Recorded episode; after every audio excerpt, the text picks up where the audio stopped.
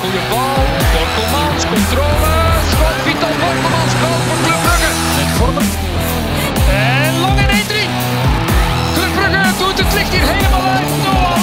Farina, Keulemans, Christiaans tegen de paal en binnen. 10-0. Dag beste luisteraars, welkom bij de zevende aflevering van dit seizoen van De Klokken, een voetbalpodcast voor en door Club Brugge supporters. Wil je op de hoogte blijven van onze laatste nieuwtjes, volg ons dan zeker op ons Instagram-account, De Klokken Podcast, in één woord. En op dezelfde manier kun je ons ook terugvinden op Twitter. Deze week trouwens 500 eh, volgers gehaald op eh, Instagram, dus bedankt aan alle volgers om ons te volgen. Eh, heb je vragen, opmerkingen, suggesties, kan je ons altijd een mail sturen naar deklokkenpodcast.gmail.com of je kan ons een eh, DM sturen, dat kan ook al, altijd. We antwoorden daar zeker en vast op. Eh, eindelijk is ook opnieuw eh, Matthias Dirks terug van de partij. Matthias, welkom terug. Heb je er een goede week op zitten? Best wel. Professioneel en privévlak zeker en vast. Club gerelateerd, misschien iets minder met de twee voorbije wedstrijden. Daar gaan we straks over nakarten, maar eh, al wel wel een, goede week achter de rug. Ja. En zeker niet meer ziek ook, want zijn er wel een paar van ons die wel ziek zijn geworden of ziek zijn. Maar bij mij is het achter de rug. Nog een chance. Ja. Ja, inderdaad. Want normaal gezien hadden we ook een eh, special guest vandaag, Lars Gaudot van de Shotcast. Maar eh, die is net als ik zelf vorige week eh, ook eh, ziek geveld. Vandaar dat deze aflevering pas vandaag wordt eh, opgenomen. Maar gelukkig is daar Nico van Halen, onze super sub. Nico, ben je blij dat je toch kan eh, aantreden als invaller vandaag?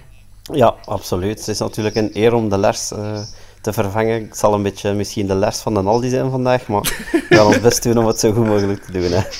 Toch een duvelke gedronken dan, eh, om helemaal in de sfeer te komen. Verschillende. Ja. Verschillende, voilà. Ja. Lars zou het graag horen. Hopelijk hebben we hem binnenkort toch eens te sterken eh, in onze podcast. Van eh, uitstel komt geen afstel.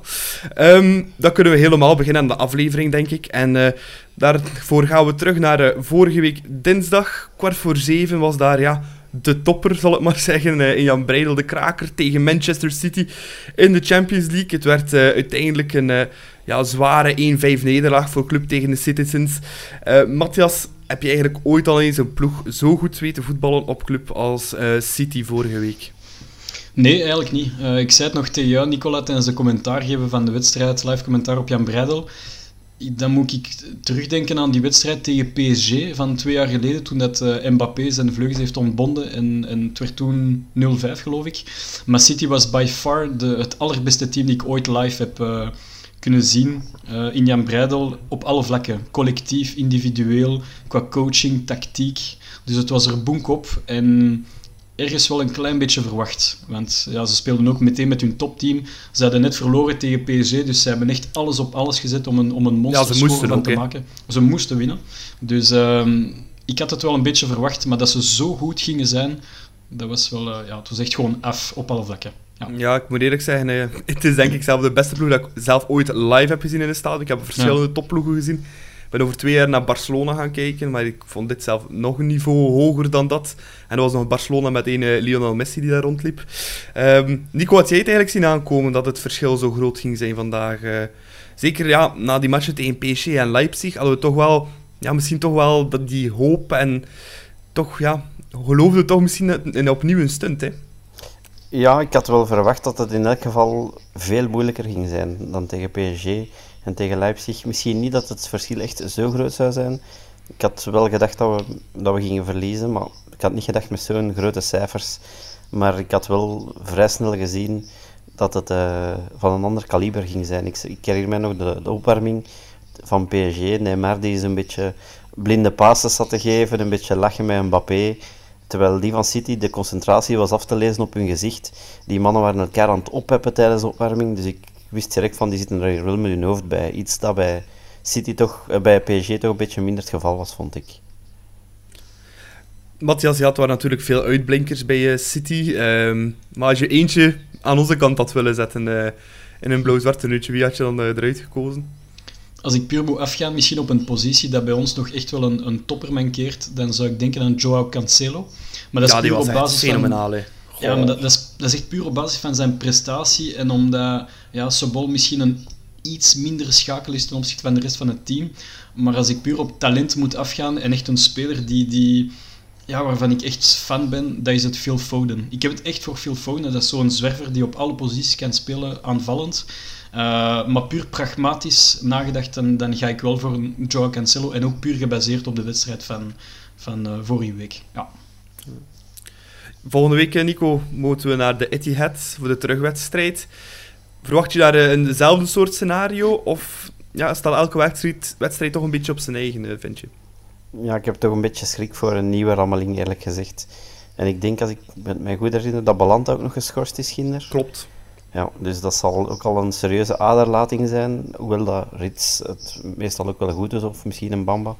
Maar ik denk toch dat het uh, Ginder heel moeilijk gaat worden. Ik hoop dat de snelle achterstand niet erop gebeurt. Want ik denk anders uh, zou het wel een keer meer dan vijf kunnen worden. Maar laat ons hopen, als club speelt zoals op Leipzig. Misschien zit er dan toch wel iets in, maar ja, ik denk dat we echt moeten hopen op een superdag en dat City echt een ja, rampzalige dag moet hebben als we daar uh, niet met de billen bloot willen gaan. Ik, ik hoop wel op, uh, op iets meer veerkracht langs onze kant ja. vergeleken met, ja. met de heenmatch. Want oké, okay, uh, je kan een keer eens um, verliezen. Ik denk aan die 0-5 tegen PSG twee jaar geleden. Maar toen was Club gedurende 60 minuten echt wel de bijna even knie van PSG. En hadden zij er zin in en ze legden echt hun kop voor. En bij ons heb ik het gevoel gehad tegen City. Balanta had er zin in, Van Aken en Minolet. De rest was er zo meer, ja, een beetje op hun lauren aan het rusten van oké, ze zijn gewoon beter en we gaan ons laten afmatten. Maar dat was het probleem. Ik had echt een, een, een soort, zoals Clement heel juist heeft aangehaald, van we hadden veel te veel respect en we waren te braaf en we lieten hen gewoon ja, ons overrompelen. Dus ik hoop, ik kan zeker inkomen dat we misschien met 3 of 4-0 gaan verliezen volgende week uh, in City. Maar dan wel met de juiste mentaliteit en met ons DNA, no sweat, no glory. Want dat heb ik echt wel gemist vorige week.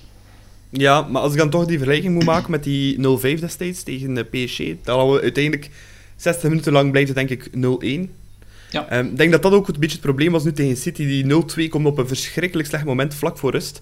En ik denk dat dat ook die mentale klik maakt. Als je 0-1 aan de rust in gaat, dan kun je altijd denken, oké, één goaltje kan altijd vallen, maar er twee maken tegen City, ja, dat is een heel andere koek. Um, dus ik denk dat dat ook wel een beetje ervoor gezorgd heeft dat ook ja, een beetje die gelatenheid in die ploeg is gekomen. En dat was door, denk ik ook tegen PSG juist het geval, want uh, het was dan heel lang 0-1 tot aan minuut 60 en Mbappé kwam erin. Ja, hij scoort die 0-2 dan destijds en dan volgt 0-3, 0-4, 0-5. Ja. Dus dat was dan ook ineens heel rap gelopen. Ik denk, uh, zolang je die tweede goal niet binnenkrijgt, hou je ergens nog altijd te geloof dat ja, we kunnen hier nog een puntje pakken. Ja. ja, dat denk ik ook misschien wel. En bij PSG was het ook toen, in die 0-5, vond ik dat eigenlijk vooral geklopt zijn door ene man Mbappé ja. die het verschil maakte. Nu was het gewoon één team op elke positie. Collectief, ja. Dat was ja, ongezien voor mij ook. En dat maakt hen ook zo sterk. Het is niet dat je zegt, we moeten ene speler neutraliseren. Die, die ploeg is gewoon een machine. En je vraagt je af, ja, hoe kun je deze in godsnaam afstoppen? Ja, heel moeilijk denk ik. Ja. Ik denk dat het is echt een absolute machine, Manchester City. Zijn ze ook trouwens voor jou de topfavoriet, Matthias, voor de, de Champions League dit jaar? Ik vind dat ze samen met Bayern uh, by far de, top, de twee topfavorieten zijn voor de eindoverwinning. Um, en ik plaats zelfs PSG niet in mijn top 4 of zo. Want, nogmaals... Wie zet je er dan wel in? Goh. Um, Liverpool eventueel. Ja, dat is echt wel en, dat, zeg, dat zeg ik puur niet op basis van die 0-5 tegen United, maar dat is gewoon een team op, dat zichzelf een beetje heeft teruggevonden. Vorig jaar was het zo wat minder net na het kampioen zijn. Uh, maar je hebt het gevoel wel dat dat Klopper weer die schwung heeft teruggebracht in het team. Uh, ik denk aan een Chelsea met een, met een fitte en een, en een goede Lukaku, die ook opnieuw iets kunnen betekenen. Maar bij PSG heb ik te veel het gevoel van dat zijn echt individu individuen die op het, op het veld staan. Ik heb nog gisteren gekeken naar de Classico uh, Marseille tegen PSG. En Marseille verdienen gewoon te winnen. Um, dus ja, bij PSG heb ik altijd dat gevoel van... Er staan heel mooie namen op het, op het wedstrijdblad. Maar als het puntje bij paaltje komt en er echt collectief moet gepresteerd worden, dan is iedereen gewoon afwezig. En dat gevoel had ik uh, tegen Club natuurlijk. Maar tegen Leipzig was het ook zo uh, net, net wel. Maar als je dan tegen veel sterkere teams uh, moet spelen, dan, dan is het vaak net niet. Dus PSG zie ik helemaal niet als een topfavoriet. Ja, zie je City als de favoriet, Nico? Ja, ik, voor mij, om de Champions League zelf te winnen, denk ik Bayern München. Zie ik als uh, topfavoriet. City er net onder. Ik denk dat dat zijn voor mij de twee topfavorieten.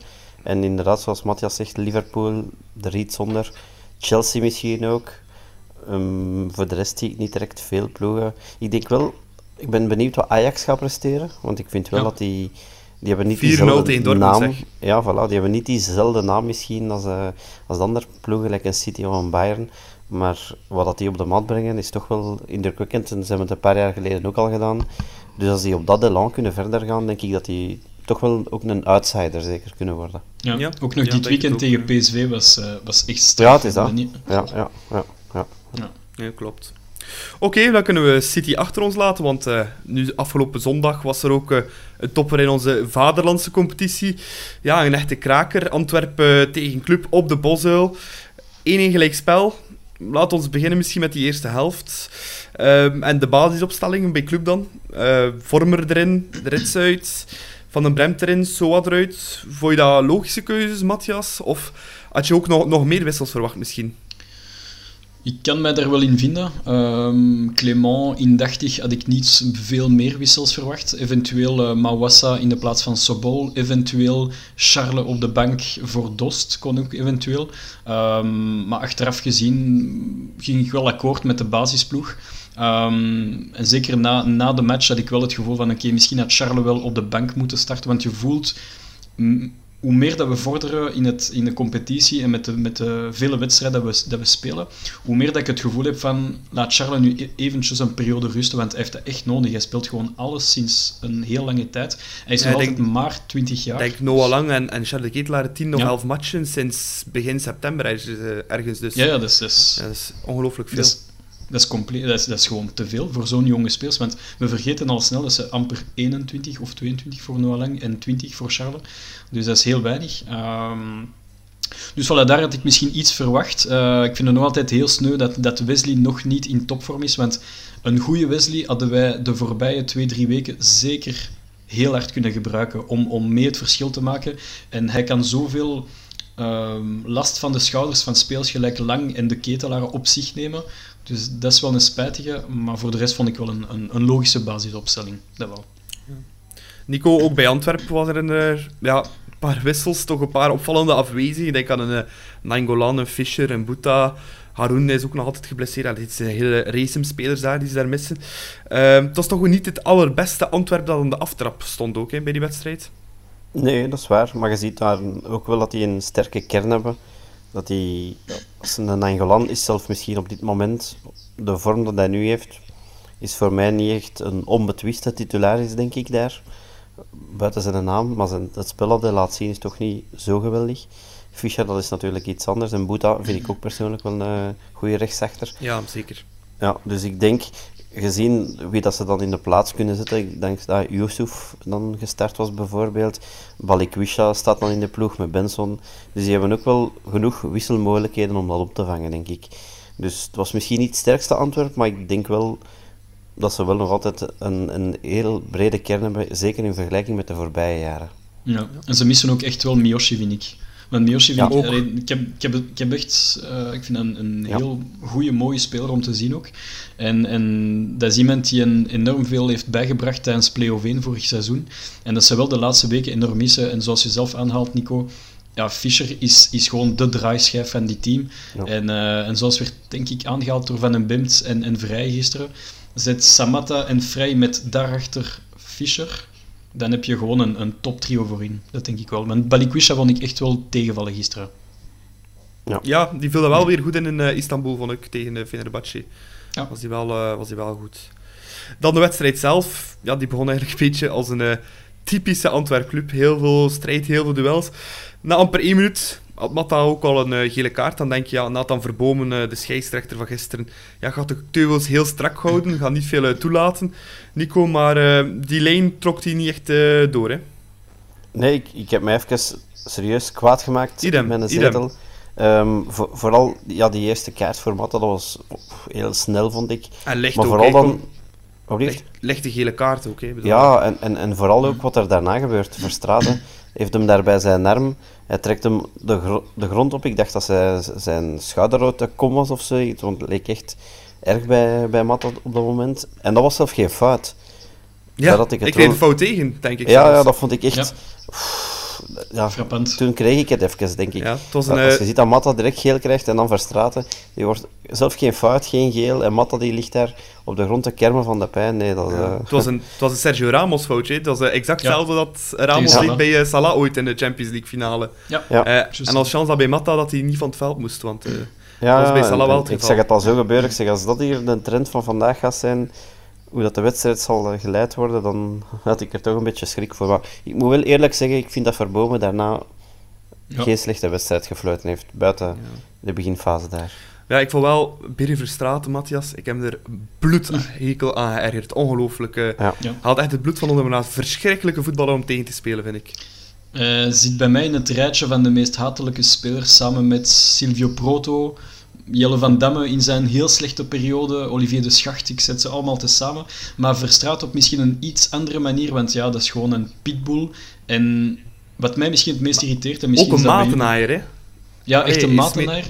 En, en zoals, zoals Nico ook aanhaalde net voor de match, we mogen er al op wedden dat hij heel veel fouten zal mogen maken. Ja, zeker. Alvorens dat hij misschien nog een gele kaart krijgt helemaal op het einde. Het is er niet van gekomen omdat hij ja, aan de rust geblesseerd uitviel met een lichte hersenschudding.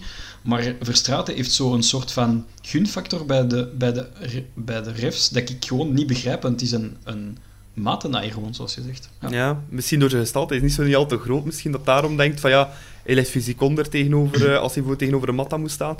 Ja. Maar eh, ja. Hij heeft, hij heeft bepaalde eigenschappen van Jonathan Blondel ook, vind ik. Ja, ja. Ja. Qua gestalte, qua manier van in duel gaan. Alleen moest Blondel nog maar naar zijn man kijken of hij had al een gele kaart achter zijn naam. En Een die komt daar, ja, die komt daar al, al ja, jaren mee weg in feite. ja, was het blondel, dat was het rood. Hè. Voilà. Zo simpel is het. Ja. Eh, Ja, ja, Sa- en ook Sa- Santini, Santini hetzelfde syndroom. Hè. Die, kon, die gaf twee à drie Ja. ellebogen per match. En die eindigde soms met een gele kaart. Dat is, Ja, klopt. Ja. Maar dat heeft dan weer met Rolexen te maken. Hè. wie zal het zeggen? Zeer, zeer waarschijnlijk. Ja, ja. Waarschijnlijk. Ja, en ook na, na amper een kwartier moest ook eh, zowel Matta als een Sokkie al, al naar de kant voor verzorging. Allee, dat, is- dat is toch een beetje erover, hè, Nico.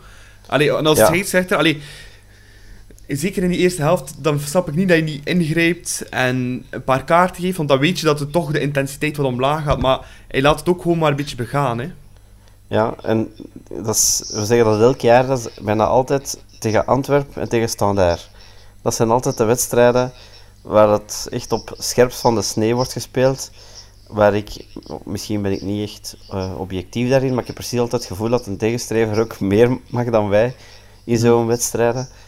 En toen ik inderdaad Matta en een Soki al een, een keer naar de kant zag gaan, dan dacht ik, oei oei, hopelijk eh, kunnen die nog voort, want allee, het is in de verdediging, die zag ik toch niet graag, niet graag uitvallen, eerlijk gezegd.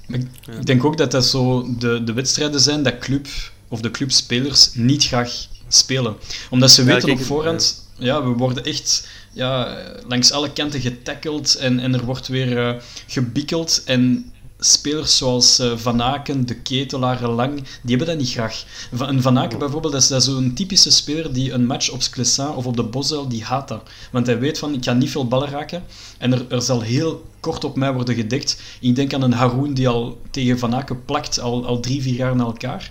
Maar dat is gewoon effectief zo. En onze ja, matigste of slechtste topmatchen dat we spelen, zijn garantie altijd op Sclessin op de Bosel. Dus, ja.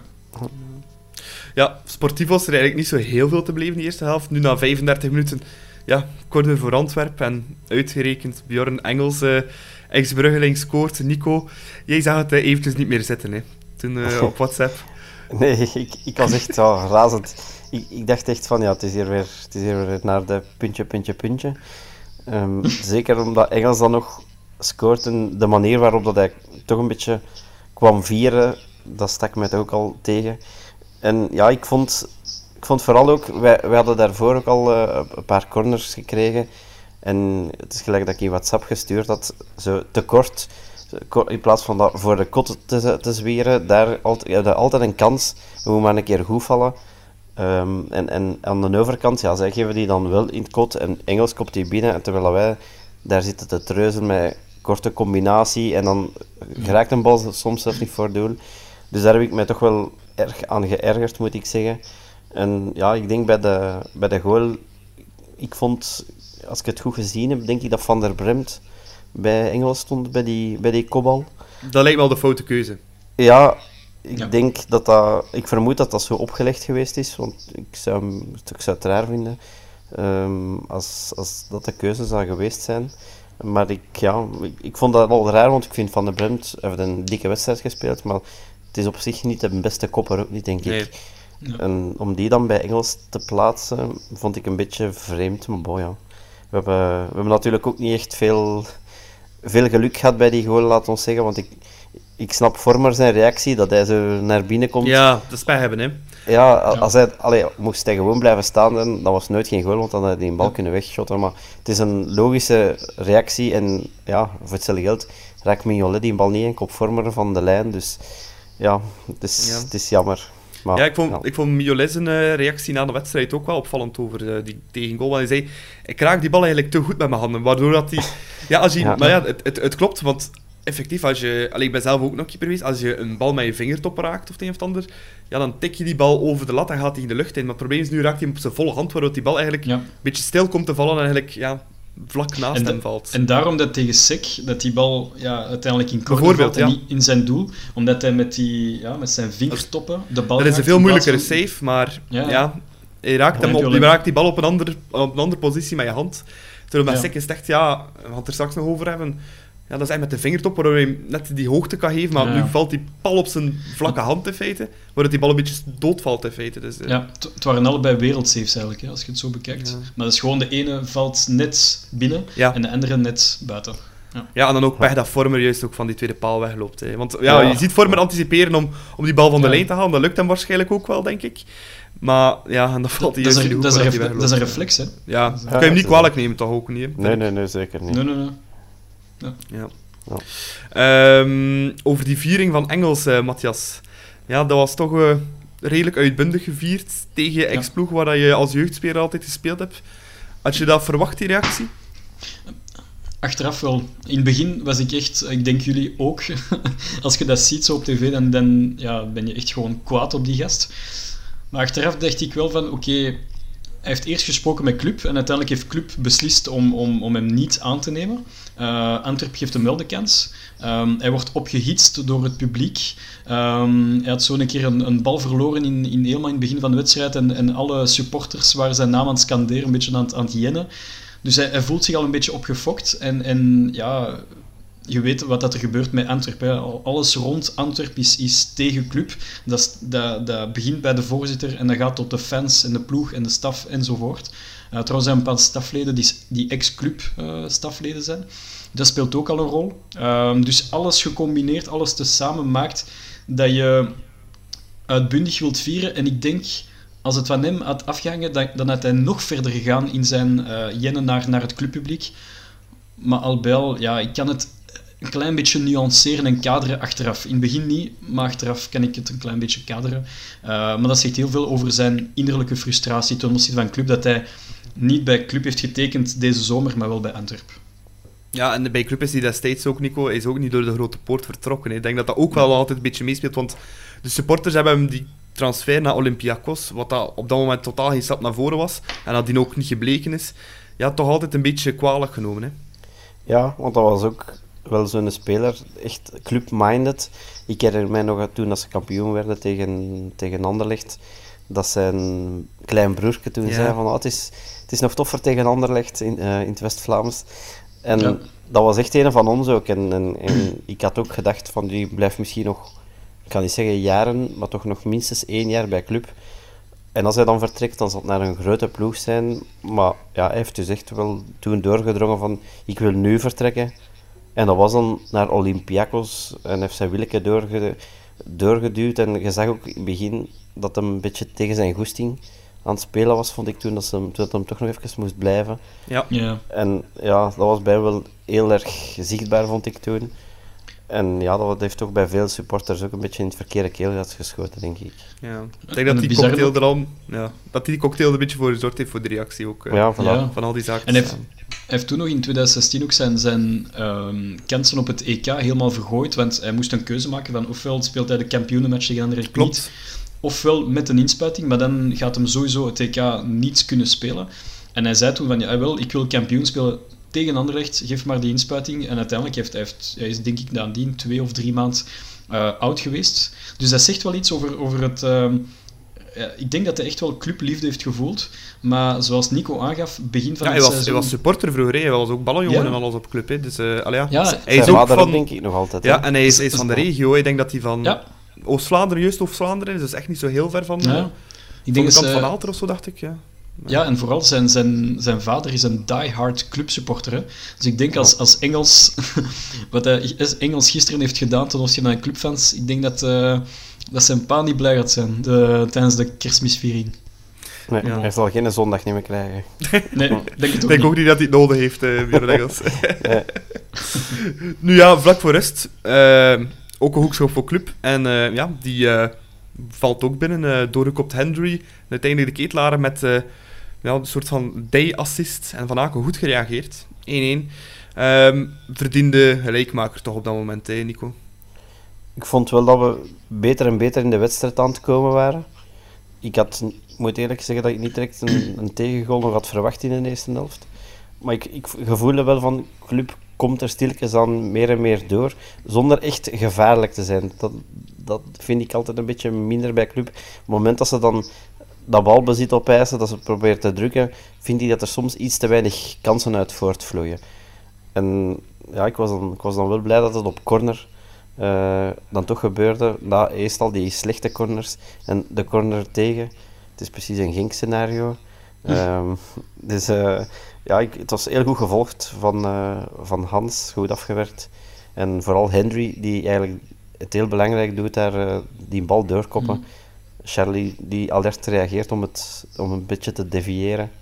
Dus Ja. dat was wel een belangrijk punt in de wedstrijd. Want als je daar met een achterstand de kleedkamer ingaat op de Bosuil, pff, ja, ik Ja. wou het toch nog zien anders in de tweede helft. Het was, eh, het was wel een ideaal moment om te scoren. Hè. Beetje zoals Manchester City tegen ons, ook vlak voor rust. eh. Ja. Dat is altijd eh, een En- psychologisch belangrijk moment. Het mooie aan de assist van Charles is dat hij ook eh, het hoofd van, van het nog meepakt. zijn. Dus dat, dat was ik wist dat prachtig. dat ging komen. Ja, nee, maar dat is waar. Eh, Assist voor Hans, dus dat is prachtig. En dan nog eens Verstraten, eh Ja. payback, payback time met een hersenschudding. Dat was gewoon schitterend gedaan, vond ik. Ja. al neem ik dat toch met de korreltjes uit, die hersenschudding. Ja. Een, een hè. hersenschudding. Ja, je moet eerst iets hebben om te Ja. schudden, dan natuurlijk. hè. Ja, pas ja, op. Ik vind toch geen, eh, geen domme speler hoor, uh, Birger Verstraeten. Maar, eh.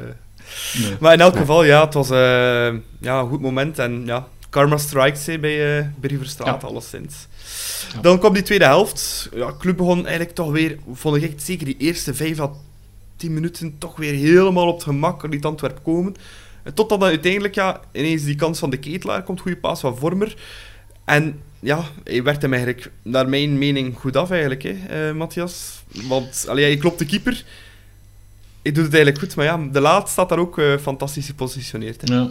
Mijn, mijn broers en pa waren aan het schreeuwen rond mij van dat hij de pas moest geven aan Lang. Maar dat vond ik nu Maar niet. dat was moeilijk. dat vond ik Eh, moeilijk. ja, dat vond ik nu niet, want eh, eh, er zaten twee spelers, eentje voor hem en eentje achter hem. Dus dan moet die paas wel ja, gemilli- gemillimetreerd zijn om die binnen te schieten. Ehm, en ik begrijp dat, dat Charlotte denkt van oké, ik ga gewoon mijn kans. Ik denk dat misschien een, een iets scherpere Charlotte de Ketelaar wel net iets vroeger had afgedrukt. En dan was het wel met een goal en misschien ook over de grond. Want het probleem is, hij heeft zijn schot iets te hoog gemikt, waardoor dat je wel een kans krijgt met de kop om het weg te werken. En was het nu over de grond met iets meer snelheid en iets vroeger, dan was het wel gewoon pot, denk ik. Dus ja, daar waar hij misschien iets zuiverder heeft afge- afgewerkt tegen Italië bijvoorbeeld, ehm, was hij misschien iets minder scherp zondag, waardoor dat hij uiteindelijk al nog gemakkelijk weggekopt wordt door, eh, door Richie de Laat voor de lijn. Ja. Nadien nam club eigenlijk de tweede volledig in handen, Nico. Ehm, was het uitvallen van Verstraten daarvoor eh, een cruciale factor? Want op het middenveld, kregen ze het toch moeilijk, hè, Antwerpen.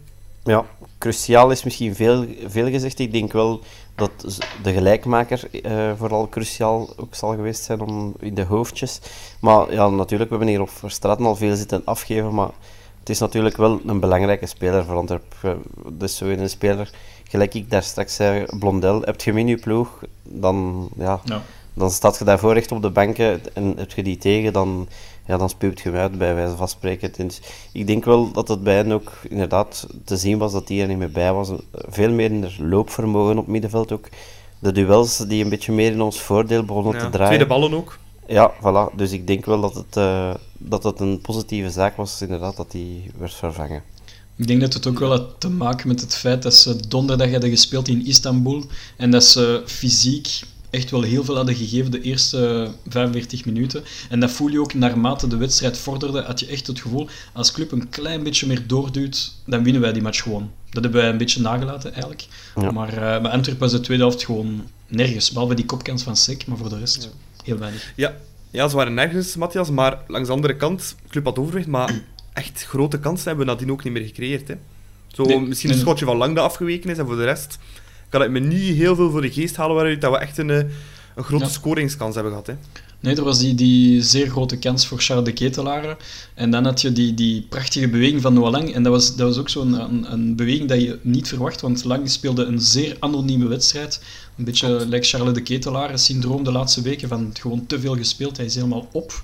Ehm, en dan plots zie je weer die beweging van Lang en, en een prachtig schot, maar wel afgeblokt door Engels, geloof ik. Eh, Ja. bijna, bijna gedevieerd in de goal. Maar voor de rest ja, was het veel ballenpompen, steriel. En uiteindelijk de uitblinker bij uitstek, zeker in de tweede helft. De eerste helft viel het nog mee, maar vooral de tweede helft was Injas van der Bremt. Omdat hij, maar, hij bleef maar proberen en acties inzetten. En vooral, zoals ik tegen Hoog jullie ook druk zei ook, gisteren, voilà, hoog druk zetten. En hij ging ze allemaal gaan halen, die verdedigers. Hè, van, van rechts, van links, van centraal. Hij, hij liep gewoon voor twee, zelfs voor drie spelers. En, en daar vooral begrijp ik de keuze van, van man of the match voor, eh voor Injas van der Bremt. Ja. Nico, na zo'n moeilijke wedstrijd ja, kon het ook moeilijk uitblijven. Eh, er vielen ook nog eh, twee rode kaarten. Eerst ging Björn Engels aan de noodrem gaan trekken bij Van der Bremt. Daarna Stanley Sokki met zijn tweede rode kaart voor club.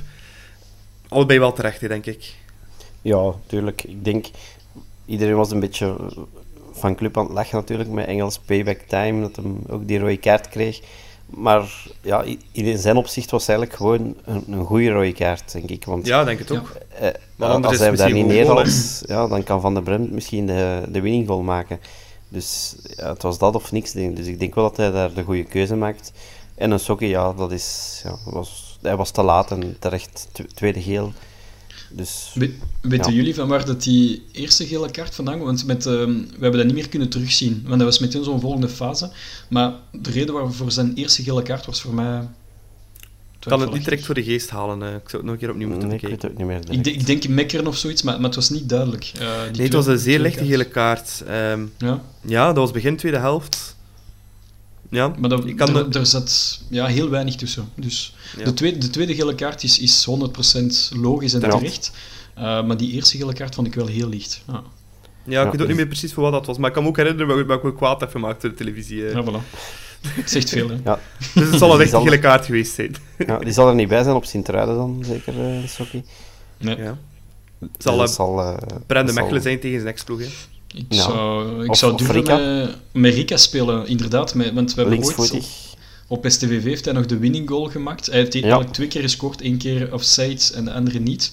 Ehm, en ik zou drie mansverdediging met, met, met Rika, Hendry en dan eh Matta. En dan speel je nog met Sobol of Mawassa op links. Maar ik zou, ik zou op dat kunstgrasveld zou ik eerder voor Rika kiezen eigenlijk, dan Ja, voor Mechelen. Ik ook, maar ik denk wel dat hem toch Mechelen gewoon gaat zetten. Ja. Mechelen is ook, heeft ook wel een jaar gespeeld op dat veld. Hè. Dus die is daar misschien ook net Ja, iets het meer gewoon- En ik denk dat hij ook ja, mi- misschien niet durft het, eh, het aandurft van nu dat een Sokkie een keer geschorst is van Mechelen dan Ja. nog niet te zetten. Ik denk dat dat, ja, dat zal Goed, denk ik ja. een beetje... Ik denk nou dat Mechelen ook gewoon hoger in de pickorde zit bij, uh, bij Clement Ja. dan, dan Rika nog. Ja, Rika die heeft precies helemaal afgedaan, hoewel dat je dat niet echt helemaal terecht vindt, maar, maar goed, dat Ik is hoop, een andere discussie. ik hoop wel dat Brennan Mechelen en zijn prestatie niet herhaalt van tegen KVK, want dat was, dat was, dat was, dat was echt dramatisch. Ja. Ja, dat Bon, moet je ja. zeggen. Maar, maar Mechelen heeft, dat, is, dat is een speler, typische speler. En ehm, eh, Steve, eh, burgemeester van Breden, heeft het al meermaals aangehaald. Als hij het vertrouwen niet krijgt en hij voelt van oei, ik ben hier maar een rotatiespelerke, dan verliest hij alle vertrouwen. En dat voel je ook aan zijn, zijn manier van spelen. Hij is niet meer Ja, het- zit op het veld. Ja. Je ziet dat gewoon op het veld. Hij hij heeft vertrouwen nodig van de coach, van iedereen rond zich. Het probleem is dan ook, hij probeert zich dan misschien wat extra te bewijzen. Ja. Ehm, terwijl Mechelen juist op zijn best is als hij sober kan Sober, spelen. ja. Verdedigen, paske afgeven. Maar tegen Kortrijk was het een paar keer dat hem wat, precies wat uitvoetballen. Dat dat dan in, een, in de tegenstrever in voeten kwam. En ja, dat is niet het sterkste punt. Dat zijn niet de sterkste Ja. punten van, van, van Mechelen. En als hij hem zo een beetje probeert overdaad te doen, dan is Ja. het voor hem wel wat moeilijker, denk ik. Maar ja, puur verdedigend, ja, denk ik dat we hem top. zelden iets kunnen verwijten. hè. Ja, klopt. In het absolute slot dan van de wedstrijd ja, komt de club nog een keer enorm goed weg. Want er net al over eh, een absolute wereldsave van eh, Mignolet op de kopbal van Sek. Matthias, is dit de zotste redding ooit van Mignolet bij club? Ik vind zijn zotste redding ooit. eh, er waren er twee op Moes Kroen. Toen dat het 0-0 Ja, die was was. dat, was, dat, was, dat was compleet loco.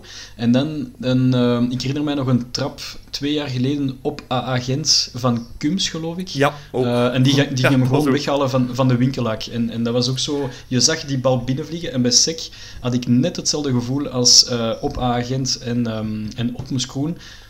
Je hebt echt het gevoel vanuit de televisie dat die bal gewoon erin gaat. En, ja.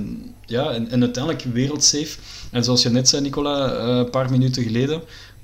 Het kwam wel op zijn vingertoppen en niet op zijn volle hand, waardoor dat die bal toch nog in corner vloog. En geluk, want als je die match gisteren verloor, dan, laatste dan minuut krijg je zou heel pijnlijk geweest zijn. Hè? dan krijg je een knak. Ja, volledig. Dus wereldsafe. Opnieuw. Nico, welke save vond je de strafste? AA Gent, Moes Kroen of eh, Antwerp?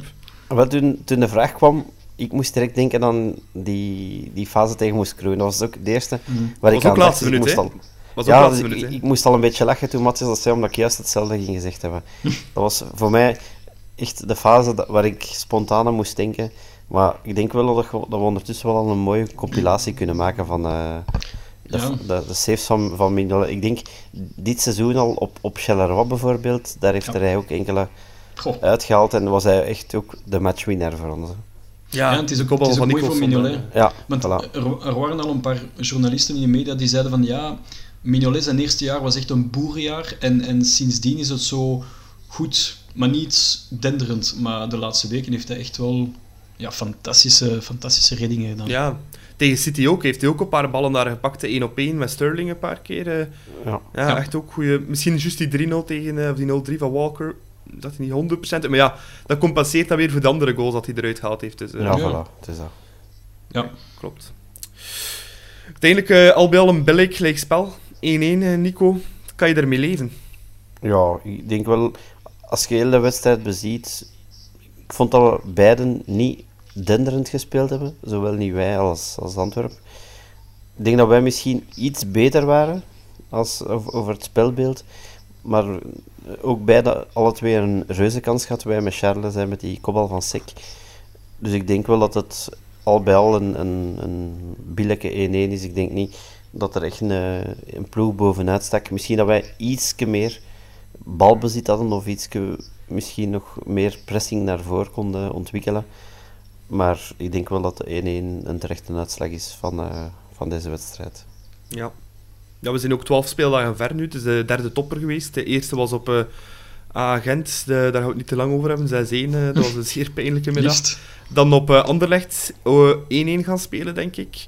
Komen we ook goed weg. Vandaag had het ook fout kunnen aflopen.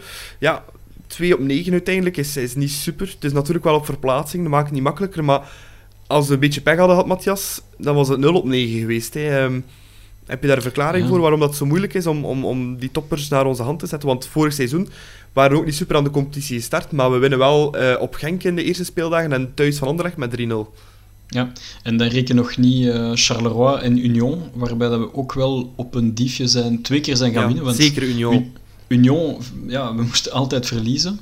Uh, en, en Charleroi was een, was een gelijkspel toch wel meer op zijn plaats. Dus bon, het, het voordeel aan, aan, aan al die wedstrijden is, we hebben ze allemaal al gespeeld en op verplaatsing. Dus dat kunnen we al achter ons laten en, en we krijgen ze allemaal terug uh, thuis met een, met een kolkend Jan Breidel en ook met Buchanan, uh, die vanaf januari terug zal zijn. Ik kijk er echt wel naar uit. Zeker met de ontwikkeling van Persijn en zo hebben, missen we echt wel een Buchanan, denk ik. Um, maar zoals je zelf aangeeft, um, is het gewoon ondermaats. Hetgeen dat we presteren buitenshuis tegen de toppers. Dus um, ja, ik heb de wedstrijd op Anderlecht bijvoorbeeld niet gezien, want ik was toen op weekend met vrienden, maar uh, blijkbaar was, was het echt een, een, een semi-mirakel dat we niet waren verloren. Dus uh, ja. ik denk wel dat Clement, dat is opnieuw een beetje het verwijt dat ik vaak doe aan Clement. Hij kan het tij niet keren en vooral hij kan zijn troepen niet oppeppen voor zo'n belangrijke wedstrijd. Soms zie je bijvoorbeeld A-agent gisteren, ik neem een voorbeeld die heel recent is, maar A-agent kan het op een, wanneer ze soms een beetje met de rug tegen de muur staan, dat ze wel echt een, een topprestatie kunnen leveren.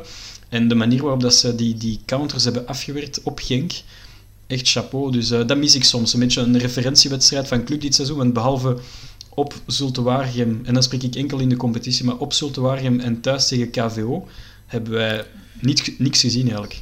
Of heel weinig. Ja, klopt. Nico, heb je, heb je verklaring waarom dat, dat in Europa wel lukt bij club om, om, om een statement te maken? Want al we winnen wel op Leipzig, we kunnen gelukkig spelen tegen PSG.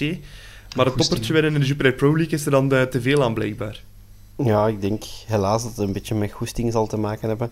Misschien ook een beetje het pieken dat club misschien wilt, wilt doen. Nu, die Champions League is, het, is nu de moment, terwijl de competitie pas binnen x aantal maanden eigenlijk money time zal zijn. Dus ik denk dat dat er ook wel mee te maken heeft dat club nu, zoals Filip van der Wallen in onze vorige podcast al zei, nu gewoon in de competitie erbij blijven, bovenaan meedraaien en pas als het money time is. Maar het is natuurlijk wel een gevaarlijke gedachte, want vorig jaar hebben we daardoor wel onze titel behaald door in de competitie zoveel voorsprong te nemen op Genk dat we eigenlijk slechte play-offs gespeeld hebben, maar die competitie heeft ons wel gered toen. Dus ik vind wel dat we stilaan in de competitie wat meer punten mogen beginnen gaan pakken. Want, want ik vrees al, als, als we een play-offs gaan spelen zoals vorig jaar, ja, dan, dan, zijn, we, dan zijn we gejost. Hè. Dan gaat de titel niet naar, uh, niet naar Brugge komen. Nee, nee. nee dat denk ik nee, Maar ik denk wel dat we misschien in een andere situatie gaan komen. Want en ik denk dat het heel kort op elkaar gaat zitten vanaf maart, wanneer de play-offs beginnen. Ehm, bij Club voelde je wel de angst vorig seizoen van oeh, we hebben heel veel punten en als we het nu weggeven, dan zijn we echt de pineut. Echt, uh, dan maken wij ons gewoon belachelijk. Terwijl ze nu misschien meer het gevoel gaan hebben van oké, we zitten nu op gelijke tred en we gaan het nu een keer tonen ook. Dus misschien is de, is de, is de feeling, eh, het algemene gevoel binnen de club misschien iets anders dan, dan vorig seizoen. Dat is misschien het enige waarop dat wij ons kunnen aan optrekken, denk ik. Ja, logisch gezien denk ik wel dat er veel focus zal zijn in de, in de play-offs. En ik denk zelfs al na nieuwjaar denk ik dat we toch wel een serieus verschil zouden moeten kunnen zien ten opzichte van nu. En de, en de Europa League, want allee, het ziet er wel lichtjes naar uit dat we, dat we in de Europa League gaan terechtkomen. Ik zie wel ook Bart Vragen en Manhart echt wel zich ook focussen op die Europa League om zich opnieuw te willen tonen. Ja. Tuurlijk. Ja. ja als, als we Club Brugge willen zijn en naar uh, een, ja, een soort van ploeg gaan zoals Ajax en dat als voorbeeld nemen, ja, dan moeten we op de drie fronten uh, gaan strijden. Hè. En echt meedoen op, voor elke beker uh, tot het einde. Ja, de Champions League, dat is natuurlijk wel helemaal de utopie. Maar ik denk in Europa League, als we daar de loting een beetje gunstig is en niet direct de Manchester United uh, loten zoals de twee jaar geleden, dat we dan wel um, ja, toch wel wat ambitie mogen hebben in die competitie hoor. ja, denk ik wel. het zal inderdaad ook een beetje van de loting afhangen. Maar laat ons eerst toch vooral derdes worden in die groep. Ja, dat is uh, natuurlijk uh, opdracht 1. Ja, want ik denk toch... We hebben, we, hebben, we, hebben een hele goed, we staan er heel goed voor, maar ik denk, het is nu Leipzig tegen, tegen PSG. Ik wil niet weten dat Leipzig daar wint tegen PSG, want dan, dan wordt het stressen, denk ik. want dan komen ze bij ons en de laatste wedstrijd is Leipzig-City. City gaat al geplaatst zijn, als die daar met hun, met hun B-ploeg naartoe trekken. Ik denk de wedstrijd in Jan Breidel tegen Leipzig ja, zal denk ik veel, veel bepalen. Dus ik ga nog niet te veel over de Europa League praten, ook al staan we er heel goed voor, maar ja. je weet, het vel en de beer. Hè. Nee, klopt. Maar daarom was het, was het zo belangrijk dat uh, eh, PSG won tegen Leipzig. Ja, ja, ja heel belangrijk. En dat was ook wel net, als, we, als we dat zien nadien. Nu, uh, ik denk dat we in tussentijd wel Antwerpen Club achter ons kunnen laten. We zijn al uh, goed kleine drie kwartier onderweg, zie ik. Um, vandaag hebben we geen gast, dus het is een keer tijd voor een uh, ander onderwerp eens aan te snijden in onze podcast. Het is een uh, tweetal maand geleden dat we de Mercato achter ons hebben gelaten. Uh, heel wat transfers die binnen zijn gekomen, een tiental heb ik hier opgeleist. En misschien kunnen we een keer een tussentijdse evaluatie maken van die transfers tot nu toe. We gaan proberen elke speler in een van de volgende drie categorieën te, te steken. de eerste is de toptransfer. De tweede is de voorlopige, tussen aanhalingstekens, floptransfer. En de derde is uh, ja, de twijfelgevallen, waar we nog niet zeker zijn of dat wel echt een grote aanwinst is voor de club, al dan niet. Uh, we gaan van verdediging naar aanval gaan. En ik denk dat we gaan aftrappen met uh, ja, de makkelijkste van de hele hoop. dat is onze Schotse Jack Henry. Nico, ja, daar kunnen we maar in één categorie plaatsen. Dat is een absolute toptransfer. Ja, On onverwacht misschien. Voor, ja, zeker. Bij vooral voor de pers, maar eigenlijk ook toch voor ons moeten we eerlijk gezegd zeggen dat... En ja, het is heel leuk, want die past eigenlijk perfect bij Club, vind ik. Die straalt echt alles uit wat dat, waarvoor Club staat. En dat is, wat mij betreft, tot nu toe de beste transfer die we gedaan hebben. Maar het wil zeggen dat jij daar ook mee akkoord bent, hè? Ja, ik ben, ben een zeer, zeer grote fan van Jack Henry. En, en nog gisteren bijvoorbeeld, ik was aan het nadenken van oké, wie waren de, de beste spelers op het veld? En dan denk ik aan, aan Van der Brent bijvoorbeeld. En, en Soki speelde ook top tot zijn rode kaart. Maar ik, ik dacht zelfs niet aan, aan Henry, omdat ik ondertussen gewoon ben dat hij zo goed speelt. Dus dat zegt ook alles over, het, eh, over de... Ja, hij heeft nog geen één keer echt een, een, een, een non-match gespeeld. Hij is altijd goed tot zeer goed. En, en het is gewoon een betrouwbaar sluitstuk. En ik denk dat hij, dat hij definitief Mechelen naar de bank heeft, uh, heeft laten gaan. En, en oké, heel spijtig, want Mechelen is he's one of us. Maar aan de andere kant is Henry gewoon uh. En het, ik zou er niet van verschieten, moest er plots een Premier League ploeg uh, in de zomer Daar vrees ik ook een beetje voor. Ja, het, ziet eraan te komen. En het is ook de, het, het, type speler die zal kijken van oké, ik krijg nu de kans om te gaan spelen voor een West Ham, om pakweg een ploeg te, te noemen. En hij zal, hij zal die kans niet laten liggen, denk ik. Ja, het is, het is ook een... Uh, ja, het is ook een Brit, dus dat, dat, ligt daar al extra makkelijk. En denk zo ploegen... Like, gevoelig, Zoals je zegt, een, West Ham, een Everton. Dat zijn ja. zowel die subtoppers in Engeland Newcastle. Als, als Newcastle. Ja, die hebben geld genoeg, denk ik. Het zou wel leuk zijn als die komen aankloppen. Uh, ja, ja denk, als, als die komen, dan denk ik dat het heel moeilijk zal zijn om hem te houden. Als die ineens zeggen, ja, we leggen er 15 miljoen voor, ja, dan, dan moet je plooien, denk ik, voor een verdediger van 728. En, en, dan, en dan moet je die ook laten gaan, want een, een speler van 27 bijna...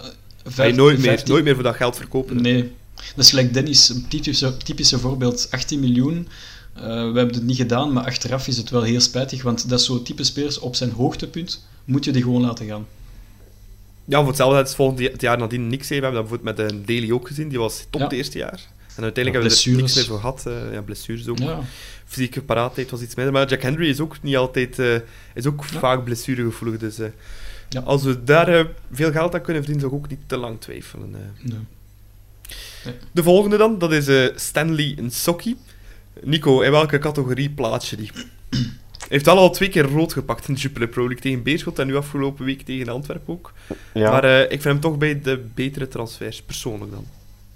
Ja, het is voor mij zo tussen twijfelgeval en toptransfer. Ik, ik denk, qua toptransfer zie ik wel zijn mogelijkheden. Dat heeft hij ons al meermaals laten zien. Maar hij heeft ook al een paar keer zijn nonchalance laten zien, waardoor hij ineens van, ja, van een hele sterke verdediger naar een eerder onzekere verdediger evolueert. En dat, dat moet er toch nog uit. En dat waren de geruchten dat we ook al hadden gehoord voordat hij naar de club kwam. Dat was de teneur zo'n beetje in Frankrijk. En dat bevestigde hij ons ook wel een beetje, vind ik. Hij kan echt topwedstrijden spelen en dan is hij echt top.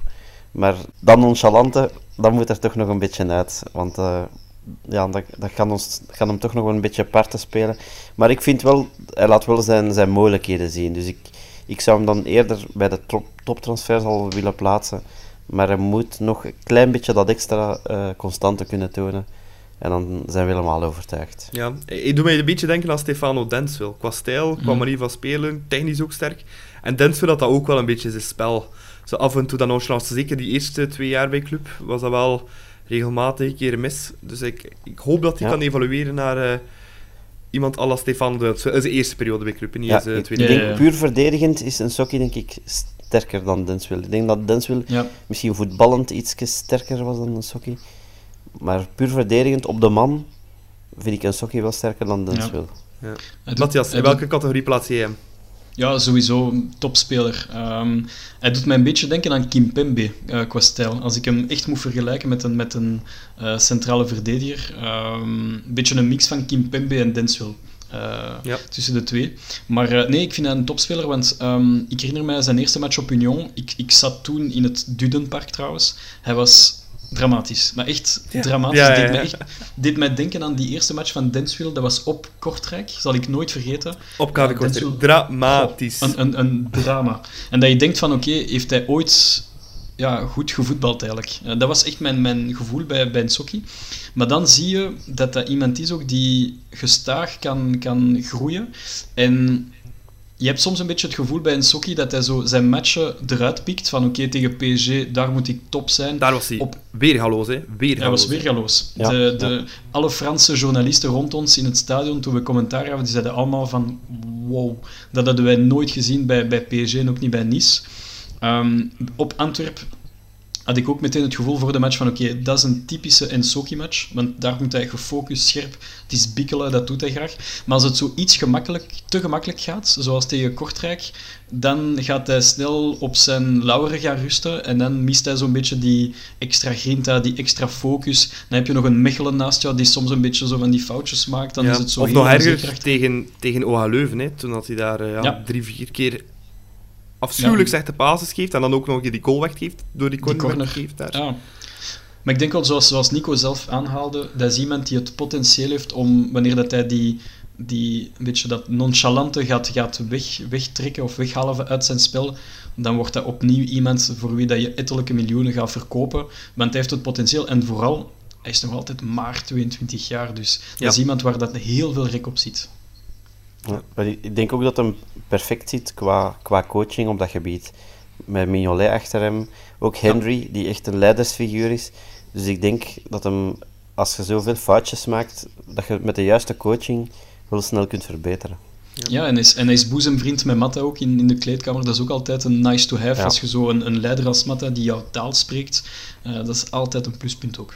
Ja, Dat trekt hij ook mee in het verhaal, hè, natuurlijk, Matta. Um, ik noteer twee keer toptransfer bij zowel Matthias als mij. Nico, jij had ook kleur moeten bekennen. Hè? Eh, toptransfer of twijfelgeval? ik geef hem het voordeel van de twijfel en zet hem bij toptransfer. Oké, drie keer toptransfer voor Stanley Insocki. De volgende, ook een Fransman, Fetou Mawassa, de man met de leukste voornaam uit onze kern. Uh, Matthias, waar plaats jij hem? Um, twijfelgeval, maar was er een categorie, zat er een categorie tussen twijfelgeval en toptransfer, had ik hem daarin gezet. Want ik vind... Ja, dat staat niet, helaas. Ja, nee, nee. Ik, ik, ik heb ook al geprobeerd. Ja, ja maar, maar het lukt niet. Uh, Nicolaas zich veel te veel aan zijn stramine, aan zijn regeltjes. Dat ja. Is, uh, ja. De, de Guillaume Mabe van de klokken. zoiets, zoiets. Jammer dat Lars er niet bij is. Hè. Voilà. Heel, jammer, inderdaad. Um, nee, um, Mawassa ga ik nu niet uh, oordelen op basis van die wedstrijd op Charleroi, want hij speelde toen als, als aanvaller en, en Mawassa is allesbehalve een aanvaller. Dus à la limiet een linksmidden of een linksachter, maar zeker geen aanvaller. Maar zijn match thuis tegen KVK vond ik degelijk. Het was niet super, het was niet goed, het was ook niet slecht, het was degelijk. Um, zijn invalbeurt gisteren was oké. Okay. Maar ik verwacht wel heel veel van Mawassa. En waarom zet ik hem toch, om toch kleur te bekennen, in uh, twijfelgeval in plaats van topspeler? Omdat ik wel had verwacht, toen hij werd aange aangekondigd op 31 augustus, dat hij los Sobol eruit ging spelen. Dat was denk ik het ja. algemeen teneur bij iedereen, binnen club en de supporters. En dat is niet het geval. En dat vind ik spijtig, maar natuurlijk, hij moet zich nog ja, hij moet nog groeien, hij moet zich nog bewijzen. Maar ik denk wel in de, in de loop van maanden en wie weet jaren dat hij echt wel tot een titularis gaat, gaat uitgroeien bij club. Dus momenteel twijfelgeval met het potentieel om topspeler te worden. Ja, ik, ik denk dat hij ook een beetje de pech tussen aanhalingstekens heeft dat Sobol ook een heel goed uh, begin van het seizoen speelt. Hè, want Allee, ja. herinner de goal op Union. En hij had ook een paar matchen dat hij echt goed was. Zijn assist tegen, uh, assist tegen PSG ook, was ook uh, zeer knap. Ja. Um, dus ik denk dat dat ook wel meespeelt in, ja, in hoeveel dat hij tot nu toe maar gespeeld heeft. Ja, en, en, en gisteren, gisteren was Sobol ook, ook goed schoon. Dus uh, het is, het is, ja, ze zijn echt aan, aan elkaar gewaagd. En het zal nog een tijdje ja. zo blijven. Maar ik denk als Mawassa echt op zijn niveau presteert. Want bij Ren was hij op een bepaald moment incontournable. En zelfs Frans Jeugd International, denk ik en zo. Dus uh, dat hij wel het potentieel heeft om Sobol eruit te spelen. Maar niet vergeten dat Sobol wel een van de favorieten is van, van Clement. En dat speelt ook wel mee, denk ik. Ja. Ik plaats hem ook bij twijfelgeval. Nico? Ja, ik zit hem ook bij het twijfelgeval. En dat was een van de spelers waar ik ook wel redelijk veel van verwachtte. Gezien de filmpjes die ik gezien heb, oké, dat zijn natuurlijk altijd compilaties. Maar ik vond dat wel redelijk overtuigend wat ik daar gezien had. En ik had misschien een iets snellere impact gezien op, uh, op de kern en op zijn plek in het elftal. Maar ik denk wel, er zit iets in. Ik vind, wat ik, wat ik vooral bij hem zie, is dat hij precies wel een goede voorzet heeft. Ja. Ik vond tegen Ja. Antwerpen ook gisteren een paar keer, ja toch, Snedig. Zo, snedig, snedige voorzet zo. En dat heeft hij precies wel. Dus ik denk wel dat er nog iets van kan komen. Maar ik zet hem voorlopig toch ook bij de twijfelgevallen. Oké, driemaal twijfelgeval voor eh Fetu Mawassa. De volgende is eh Owen Otasoi. Ik ga daar al direct mijn eh relaas over openen. Ik vind dat tot nu toe ja, de meest teleurstellende van al onze transfers. Ten eerste omdat we hem nog niet gezien hebben. Eh, ook de verhalen die ik hoor rond alles rond club dat hij fysiek niet mee kan. En dat vind ik toch opvallend voor iemand die uit de Premier League komt, die gehaald wordt als een soort van beest op het middenveld.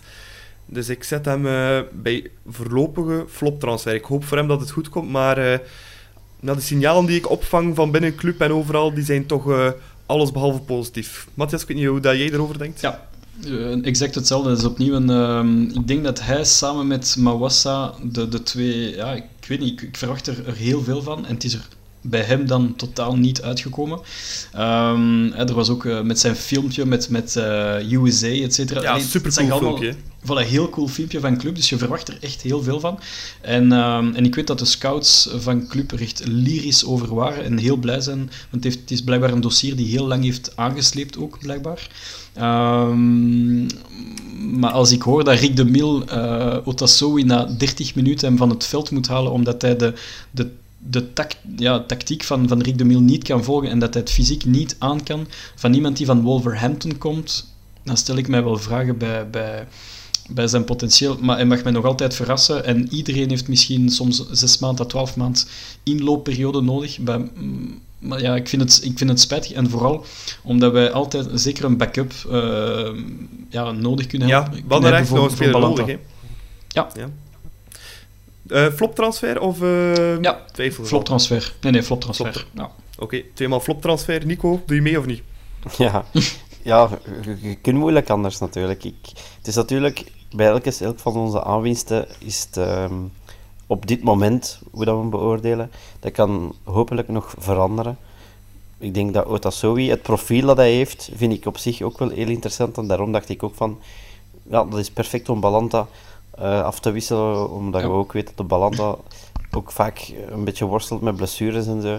Dus ik dacht, ik zag daar ook echt een beetje zijn... eh, zijn equivalent in, maar ja, ik kan niet overtuigen, en zelfs niet bij Club Next. Dus ja, we kunnen moeilijk anders dan hem bij de flop transfer zetten momenteel. En vooral heeft hij heeft het juiste profiel. Hè. Hij is groot, eh, Ja. hij, hij kan, hij kan goed voetballen blijkbaar. Dus dat was voor Ja. mij, qua profiel, was dat perfect wat we misten eigenlijk op het middenveld.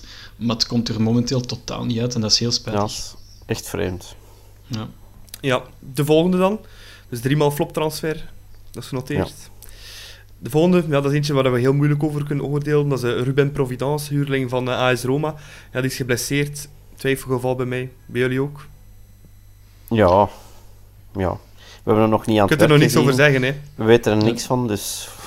Ja. Allee, Otasowi eigenlijk ook niet, hebben we ook nog niet aan het werk gezien, maar bon, daar hebben de trainerstaf, eh, zowel van het, een, het eerste helft als van Club Next, wel aan het werk gezien. Bij Providence.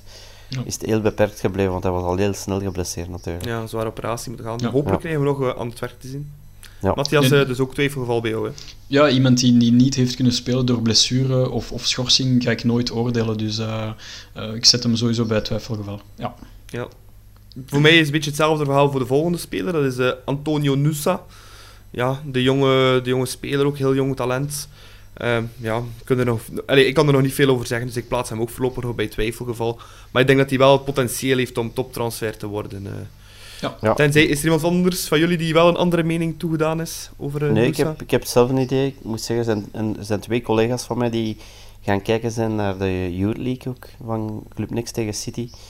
En die zeiden mij dat Noosa toch bij de, ook bij de beter zat en Hmm. dat City er toch zijn werk mee had. Dus ik denk wel dat hij zich laat, laat opmerken. Hij is natuurlijk nog heel jong, dus ehm, als we daar geduld mee hebben, ik denk wel dat het op termijn, als hij blijft evolueren, dat dat wel een toptransfer kan worden. Het feit dat hij ook al meetraint met de, met de A-kern, is ook al een veel, beetje veelzeggend. En hij zit er ook nog altijd, het is niet dat ze gezegd hebben in het begin, je mag even komen meedoen. Hij, hij traint nog altijd mee, dus ik denk wel dat hij laat zien dat hij iets in zijn mars heeft. Dus ja, ik, ik zie dat wel goed komen op termijn. Ja. Dus drie keer twijfelgeval. Met, Ja. met potentieel op, eh, om, om in de Ja. komende twee, drie Ja, jaar topspeler te worden. Ja. Sowieso. Ja. De volgende man is een man die wel al veel gespeeld heeft. Kamal Soa.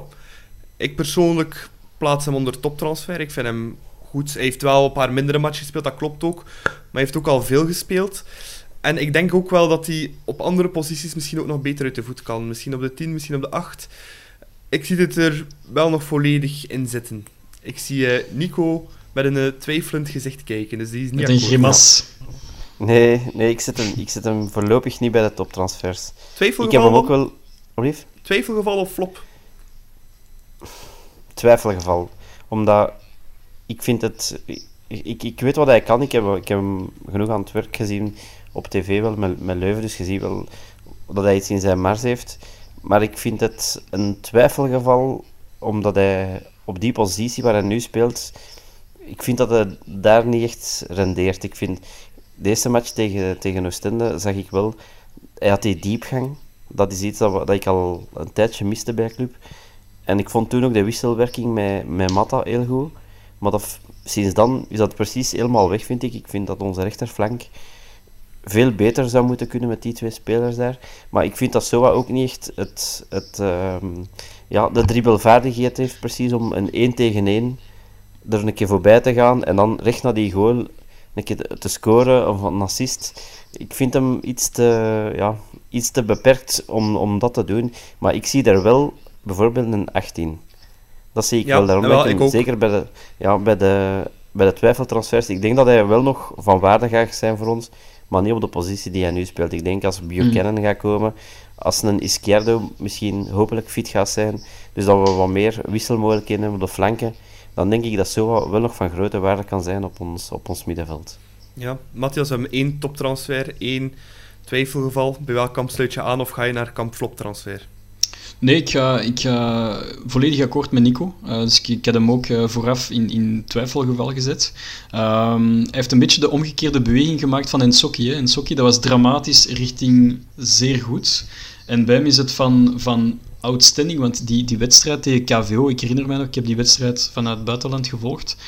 Ja, die was, die was gewoon ja, werelds. Ik, ik was zelfs zo lyrisch dat ik begon te sturen naar jullie van jongens, eh, ja, say no more. Na één wedstrijd zie je het meteen, die heeft het. En dan heb ik echt wel mijn, mijn enthousiasme moeten temperen. Ehm, tegen PSG vond ik hem wel goed, maar dat, daar was het team eh, goed. Maar sinds PSG is het echt ja, niet goed genoeg. Tegen Leipzig was het ook heel opvallend dat hele team uitblonk en dat hij bijna niet mee kon of mee ging in het verhaal van, het, van de pressing van club. Eh, heel veel verkeerde balcontroles, ehm, verkeerde keuzes. Maar opnieuw, ehm, ik weet niet of dat club hem heeft gehaald voor het nummer 8 of voor rechtsbuiten. Maar ik hoop eerder op nummer 8 of nummer 10, als zwervende nummer 10 weliswaar. Maar eh, ik zie daar zeker geen, geen rechtsbuiten op termijn voor club. Dus ik denk dat hij nu een beetje depaneert in afwachting van Buchanan. Maar dat wij daar wel nog heel veel van gaan kunnen genieten op het middenveld eerder. Ja. Oké, dan zijn we aangekomen bij eh, de aanvallendere spelers. Camalso was uiteraard ook een aanvallende speler. Maar eh, ja, eerst gaan we naar eh, José Izquierdo gaan. Nico, toptransfer, twijfelgeval of floptransfer? Wat mij betreft zeker geen flop-transfer. Want ik vind dat hij eigenlijk de meesten al heeft verrast door zo snel bij de, bij de kern terug te zitten. Ik denk dat iedereen zei van, wow, hij heeft maanden nodig en misschien na nieuwjaar. Daarom dat we hem ook een prestatiecontract eh, eh, geven. En ik denk als je ziet hoe snel dat hij eigenlijk al in de kern zat tegen Kortrijk, hoe hij ook zijn eerste fases meteen die, die dribbles laat zien, toch ook nog een beetje die explosiviteit die hem gelukkig toch nog een beetje heeft precies. Ja, dat, dat is wel veelbelovend, vind ik. Dus ja, ik, ik, zou, ik zou hem niet durven bij toptransfers zetten. Ik zet hem voorlopig bij twijfelgevallen, maar ik denk wel als hij zich zo blijft verder ontwikkelen terug naar, naar zijn niveau kan groeien, dan zal hij heel snel, denk ik, bij de, bij de toptransfers zitten. Matthias? Ik zit hem ook bij twijfelgeval. Ik, uh, misschien mijn, mijn supportershart zei meteen van uh, topspeler uh, of toptransfer. Maar als je erbij. Het, het, zoals Nico zegt, het positieve is, hij is heel rap teruggekeerd. En zelfs Clement was positief verrast. En ik laat me vertellen dat hij letterlijk van maandag tot zondag in het basecamp zit om, om ja, zijn, zijn fysieke achterstand bij te werken. Dat op zich vind ik al fenomenaal, want dat is een speler die ja, men zegt vaak bij Barcelona Meschke un club, maar dat is ook echt het geval geweest bij club, bij de transfer van, van Izquierdo. We hebben echt ons, ons familie, familiegevoel getoond aan Izquierdo door hem terug te halen. En hij geeft het ons dubbel en dik terug, want hij, ja, heeft, een heeft een salaris van, van amper iets. En ja, hij geeft ons enorm veel terug door elke dag te vechten in die basecamp. En, en hij wil zo snel mogelijk in de, op het veld staan. Maar het blijft nog altijd een twijfelgeval. Van, op dit moment heb ik misschien ook een klein beetje het gevoel van hopelijk is het niet een goed lachse mascotte. Dat, dat, gevoel heb ik ook, bijvoorbeeld na, na die wedstrijd op um, tegen KV Kortrijk. Uh, fantastisch, hè? iedereen heel blij om Izquierdo en ik zelf ook bijvoorbeeld. Ik heb ook toen ook echt meegevierd. Maar aan de andere kant had ik ook misschien het gevoel van hopelijk wordt het niet gewoon onze, onze lopende mascotte die overal glimlacht. Maar op, hopelijk gaat hij ook um, zijn kwaliteit kunnen tonen op het veld door zijn rushes, door zijn acties, door zijn snelheid en zijn goals. Maar dat verwacht ik wel van Izquierdo. Nu nog niet, maar wel vanaf januari. En dat gevoel heb ik ook bij Wesley Moraes, daar gaan we straks op terugkomen. Maar bij Wesley en, en ga ik echt pas oordelen vanaf de periode na de winterstage. Want dan, gaan ze echt, dan hebben ze echt die, die volle zes maanden om op, op toerental te komen. En dan, pas dan kan je ze allebei oordelen, vind ik. Beoordelen. Ja, ik zelf ga José Izquierdo in tegenstelling tot jullie wel bij de toptransfers plaatsen. Maar ik ga er wel de voorlopig ook wel voor plaatsen. De voorlopige toptransfer. Ik dat je ook een voorlopige floptransfer hebt. Um, ik denk, niemand had gedacht dat Izquierdo ging staan waar hij vandaag staat. Ik denk dat dat al een een overwinning op zich is. Ook het feit, ja, we hebben onlangs Dimitri de Roek in onze podcast gehad, die zei, ja, Isquero die komt bij ons voetballen voor een appel en een ei. En dat gaat ook letterlijk zo zijn, zeker met iemand met zijn uh, loonstandaarden in de afgelopen jaren, afgelopen jaren uh, in de Premier League. Dus um, ik plaats hem daarom als voorlopige toptransfer. Ook omdat ik wel geloof dat Isquero ons echt wel nog iets bij kan brengen. En um, ja, en dat ik niet had verwacht dat hij nu al uh, minuten had gemaakt. En in de kern een paar keer had gezeten. Dus vandaar dat ik hem plaats onder voorlopige toptransfer. De volgende dan, dat is een uh, landgenoot die we in Italië zijn gaan wegplukken. Thibaut Persijn. Nico, wat denk jij? Want die is wel begonnen als een komeet met een heel lekkere goal tegen uh, Beerschot. Maar daarna hebben we hem nu ook niet meer gezien. Dat vind ik wel een beetje vreemd.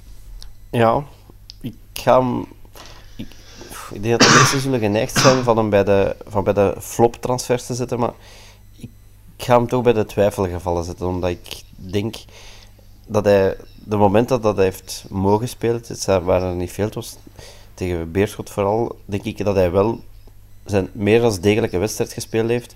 Het, ook het hart van het publiek gewonnen met die, met die knappe goal. En dan is hij eigenlijk een beetje uit, uh, ja, uit het beeld verdwenen omdat Clement eigenlijk vooral het, uh, de voorkeur geeft aan Van der Bremt.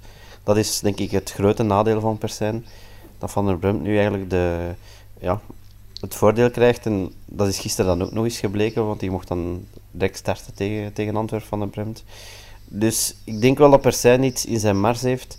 Maar om de een of andere reden is hij heel snel terug verdwenen naar het achterplan.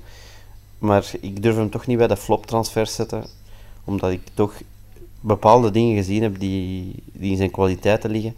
En daarom zet ik hem toch eerder bij de twijfel gevallen. Ja, ik volg uh, Nico daar volledig in. Matthias?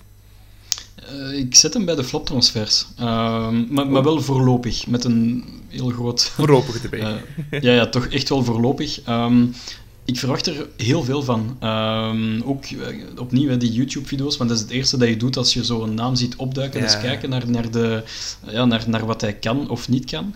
En ik vond dat hij bepaalde kwaliteiten had die we enorm misten uh, bij club. Dat is uh, die snelheid. Hij kan op rechtsmidden spelen, rechtsback, zelfs rechteraanvaller. Dus hij kan heel de flank.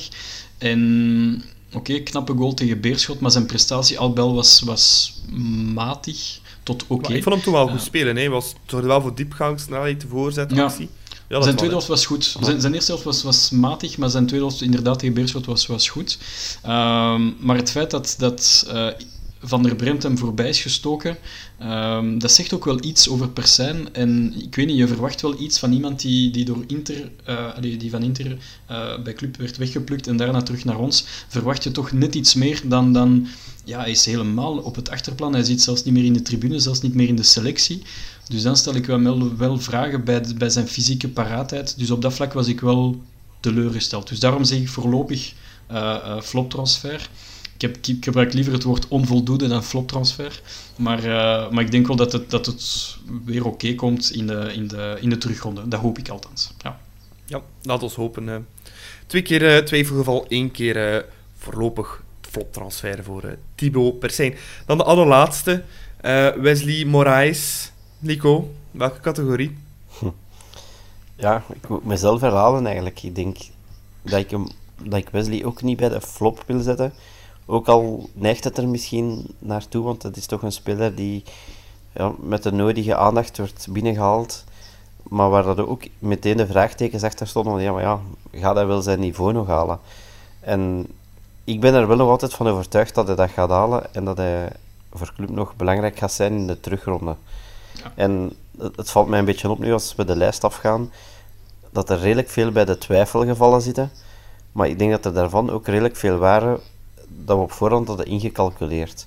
Dat we zeiden, ja, dat zijn jongens zoals een Izquierdo, zoals een Moraes, eh, die, die moeten nog terug op niveau komen. Dan enkele jeugdspelers, allee, jonge spelers, zoals een, een, een Noosa, Persijn, ja, Providence die zich dan blesseert. Dus dat waren er wel veel die, die we wel de nodige tijd sowieso gingen geven. Dus het is niet dat wij, allee, wat mij betreft, dat ik niet tevreden ben met, met de transfers. Integendeel eigenlijk. Ik zie het wel goed komen. Maar ik denk, vooral bij Wesley ook en bij Izquierdo, dat we die pas na nieuwjaar, zoals Matthias ook al zei, echt gaan kunnen beoordelen. En ik ben, toch, ben er toch nog altijd van overtuigd dat Wesley ons in de terugronde eh, nog een enorme boost gaat kunnen geven.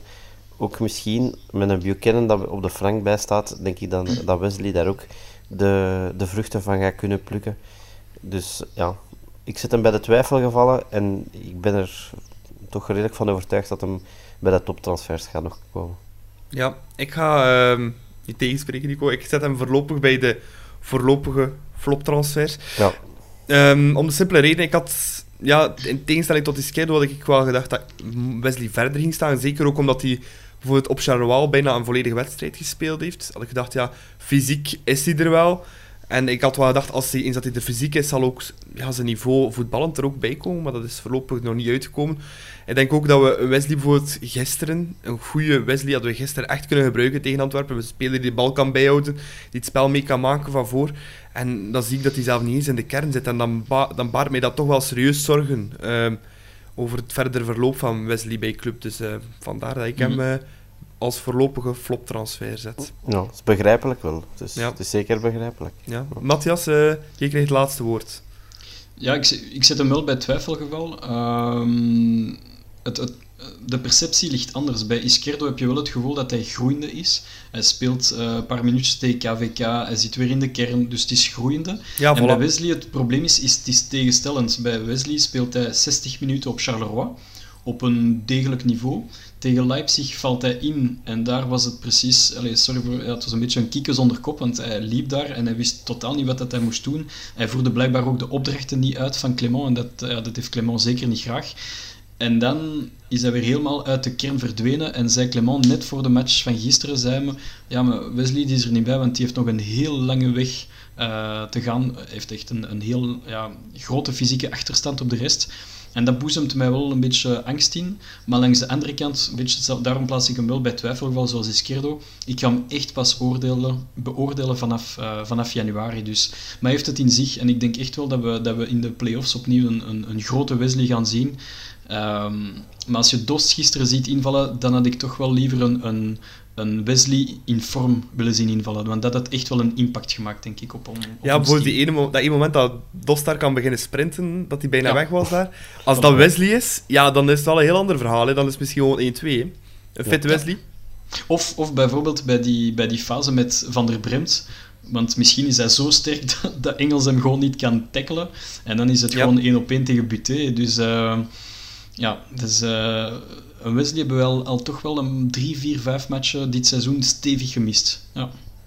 Is een, ik vind dat echt een vreemd verhaal eigenlijk. Van Ik ook. Ik ook. Ik, ik dacht eerst eh, van deze wedstrijd dat hij niet, terug niet in de kern zat van oei, hij heeft, zich toch niet terug geblesseerd of hij heeft misschien slecht gereageerd op bepaalde oefeningen dat, hem, dat zijn lichaam eh, een beetje tegenwringt.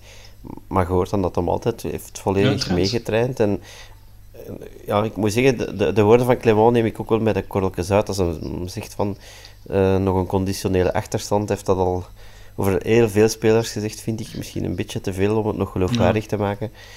Dus ja, ik vind het een, raar verhaal van Wesley. Ja, idem. Ik Oké, dan dat hebben we alle... Ja. Hij zei hetzelfde tegen, over Persijn een, twee maanden geleden. En, en ik denk een dag later stond hij in de kern en heeft hij gespeeld. Voilà. Dus uh, Het is dat. Ja. Dus korrelzout. Ja. Oké, dan hebben we alle spelers gehad, denk ik. Ik denk de to be continued. Ergens eh, rond januari, als de Mercato terug eh, op volle toeren draait. Dan zullen we het er ongetwijfeld eh, nog eens over hebben. Dan gaan we over naar het volgende deeltje van deze podcast. En dat is nog steeds de Kasje Cup. Ja, Jan.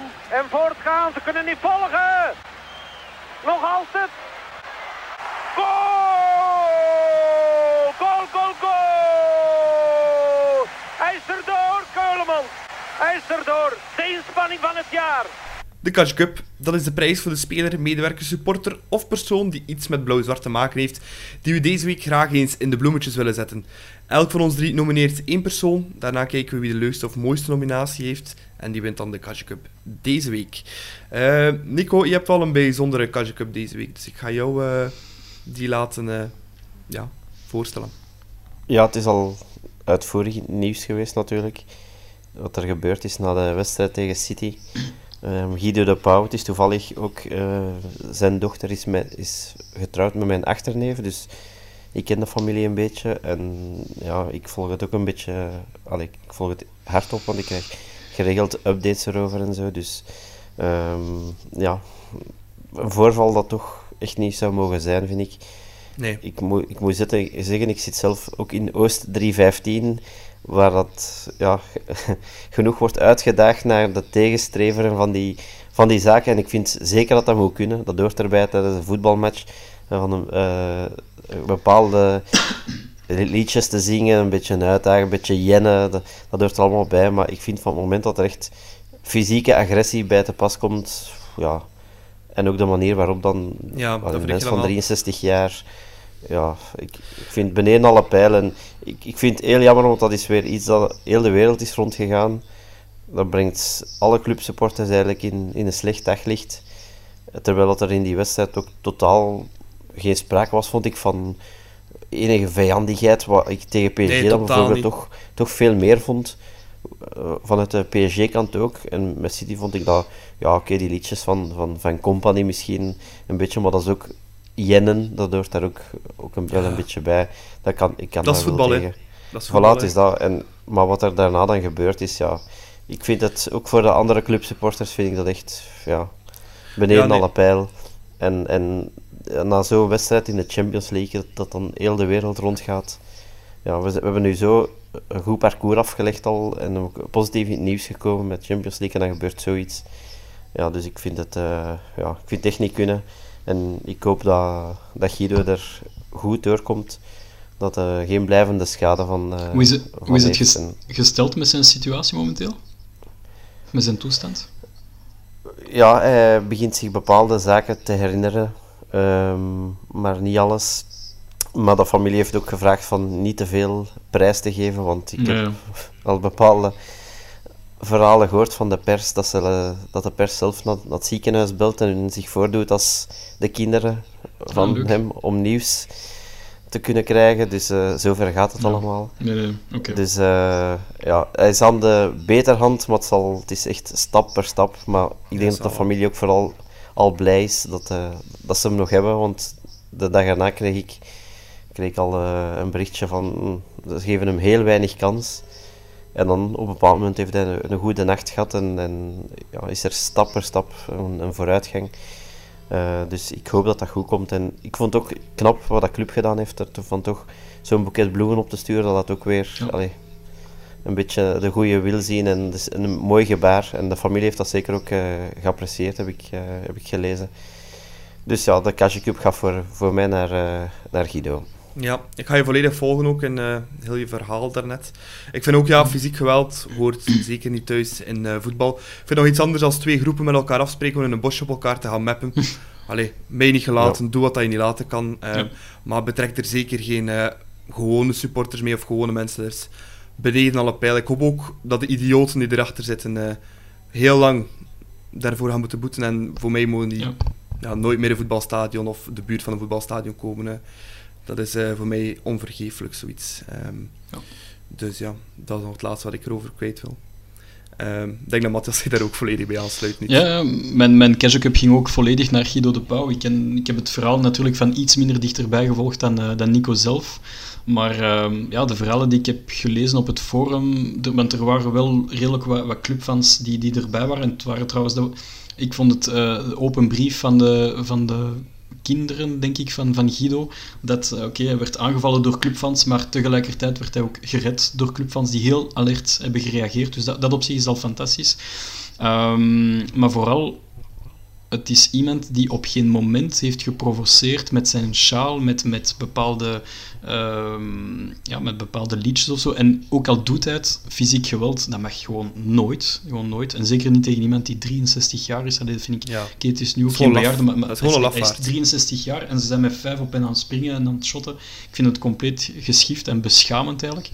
En zoals Nico ook aanhaalde, het zet ons weer al in een slecht daglicht algemeen. Want er waren de, de, de nazi-songs van een, van een paar maanden of jaren geleden. Dat was ook al niet ideaal. En dan heb je nu uh, fysiek geweld tegen een 63-jarige man met 5 tegen 1. Dat is ook heel laf. Dus uh, ja, alle sterkte voor Guido. En hopelijk komt hij er perfect uit. En als dat niet het geval is, dan hoop ik dat die, dat die mensen keihard gaan gestraft worden door, door financieel alles op hun kosten eigenlijk te moeten uitdraaien, want dat verdienen ze ook gewoon. Om, om gewoon levenslang gestraft te worden voor hun daden, want beschamend en laf, ja, dat is het enige wat ik erover kan zeggen. Ja, ja volledig mee akkoord. Uh, terechte nominatie voor de Cash. Ik zelf heb ook een uh, Cash iemand anders dan Guido. Ik wil toch nog een, eh, een ander verhaal vandaag ook brengen. Um, een paar weken terug kreeg ik in, uh, in onze DM op Instagram een uh, ja, heel ontroerend verhaal van twee clubsupporters. Ehm, dat zijn uh, Peter de Klerk en uh, Jari de Keuning, twee diehard clubfans.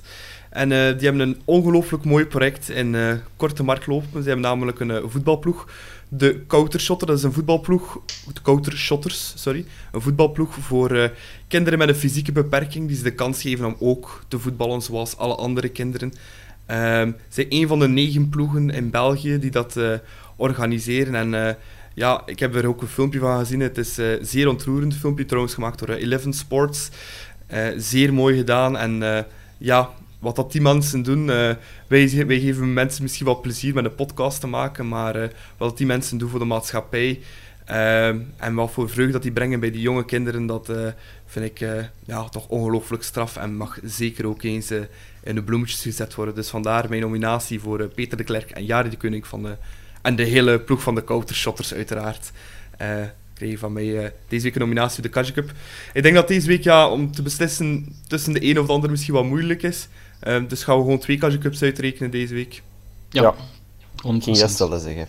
Voilà. Yes. Ik denk dat dat ook het mooiste is. Voilà. Dus de Kaja Cup, daar is wel de, kou de Countershotters van Peter de Klerk en ja, die ik als Guido de Pauw. hopelijk kom je er heel snel door. we volgen, allemaal, volgen het allemaal zeker mee met jullie. Voilà, dan zijn we over aangekomen bij uh, de laatste puntjes van deze podcast. Ik zie dat we wellicht op, op weg zijn naar het uh, record te breken van de tijd in deze podcast. We zijn al een uur en twintig minuten en langer al bezig. Um, woensdag, ja, het is geen Manchester City die op bezoek komt volgende week woensdag. Het is KMSK Deinze, denk ik. de eerste wedstrijd in de beker van België voor club. Ja, moeten we alles op alles zetten in de bekercompetitie dit jaar, Matthias? Ik vind dat het voor altijd is om een paar spelers de nodige kansen te geven. Ehm, ik ga nu niet heel, de opstelling uh, gaan, gaan verkondigen, maar ik denk wel dat, dat er een paar spelers echt wel hun, kunnen kunnen tonen. Ehm, ik denk aan Mawassa, ik denk aan uh, Persijn, Ehm, ik denk aan uh, ja, Izquierdo eventueel ook die minuten kan meepakken.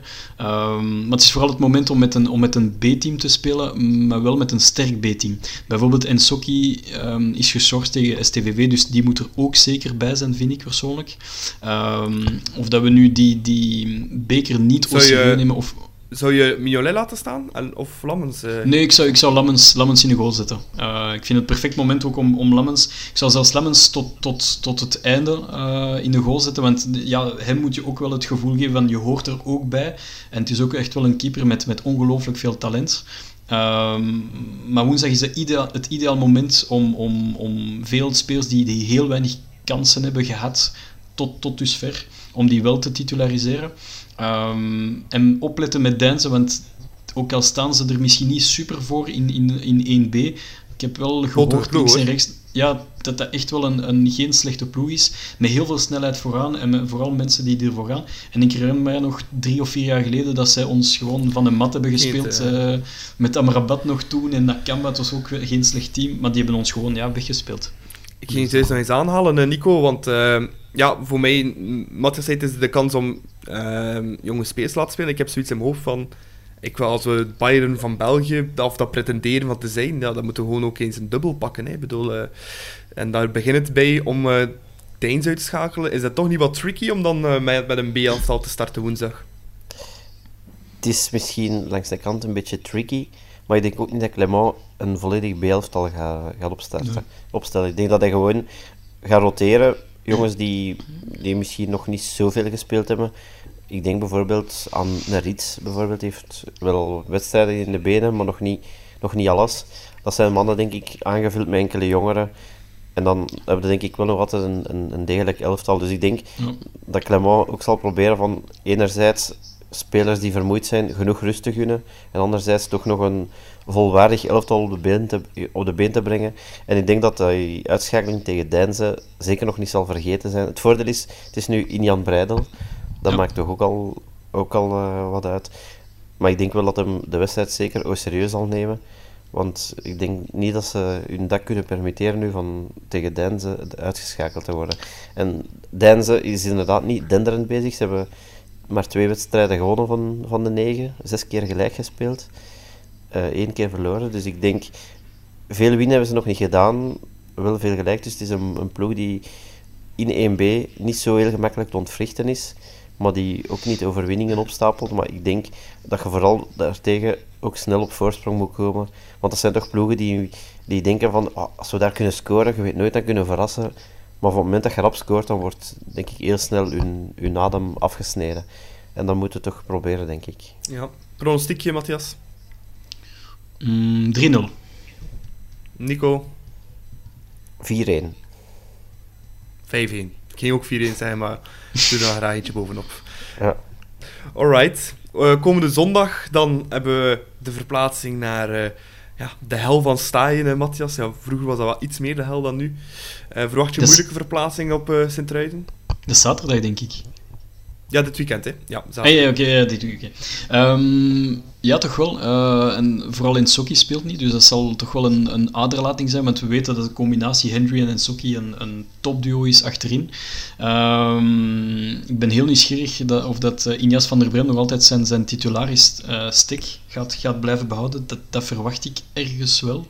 Um, aan de andere kant heeft STWV toch wel een stevige pandoering gekregen gisteren van OHL. 4-1 verloren, hun hun kapitein heeft rood gepakt, twee keer geel, dus hij is er ook sowieso niet bij. Dat is ook wel een stevige aderlating. Leisner, geloof ik. Um, dus ik verwacht wel dat club gaat winnen en, en ook wel een statement gaat willen maken. Want uh, oké, tegen Denzo moeten we altijd winnen, maar ik denk wel dat ze nu het gevoel gaan hebben en dat Clement hopelijk extra de nadruk kan leggen van jongens, het wordt nu echt wel tijd om een, om een reeksje te zetten in, in de Jupiler Pro League, want... Uh, ja, continu gelijk blijven spelen, dat is ook niet, dat is ook niet vast voor de, voor de mindset. Dus ik verwacht wel eigenlijk een, een overwinning en een redelijk gemakkelijke overwinning, om de een of andere reden. Ja. Nico, um, zou je met de sterkste elf starten tegen uh, Sint-Truiden, of toch al ehm, een paar spelers ja, aan de kant houden voor uh, die verplaatsing naar uh, City? Ik zie Matthias nee, nee. met zijn vinger wijzen. hè. Nee, nee, dat is een, een heel gemakkelijke keuze. Ik zou zeker met de sterkste elf van de aftrap beginnen, want ik vind dat we, zoals ik daar straks al zei, genoeg punten verloren hebben in de competitie. Ik zou zeker, zeker niet beginnen roteren nu op Staaien. Ik, we hebben ook gezien, Staaien, ja, dat kan Sint-Truiden toch altijd ietsje meer. We hebben, we hebben ze dit weekend gezien op, op Leuven, waar ze toch redelijk zwaar de boot in gaan. Maar als je ze dan zag spelen tegen Anderlecht thuis, dan vond ik ze wel heel sterk. Oké, Anderlecht was misschien ook super zwak, maar ik vind wel dat ze daar een heel sterke wedstrijd kunnen spelen en ze daar heel makkelijk kunnen, kunnen winnen, dat ze daar ook eh, de scheidsrechter niet, niet tegen had. Dus ehm, ja, het blijft wel altijd een gevaarlijke verplaatsing.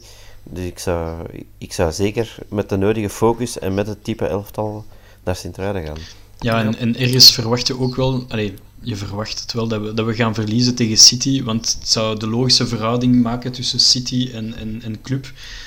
En zoals Nico aangaf, we hebben al veel te veel punten verloren buitenshuis en thuis. We kunnen het ons gewoon totaal niet meer permitteren en al zeker niet tegen een STVV eh, die, die toch wel niet van de, van de beste ploegen deel uitmaakt van de, van de Jupiler Pro League, met alle respect. Ja.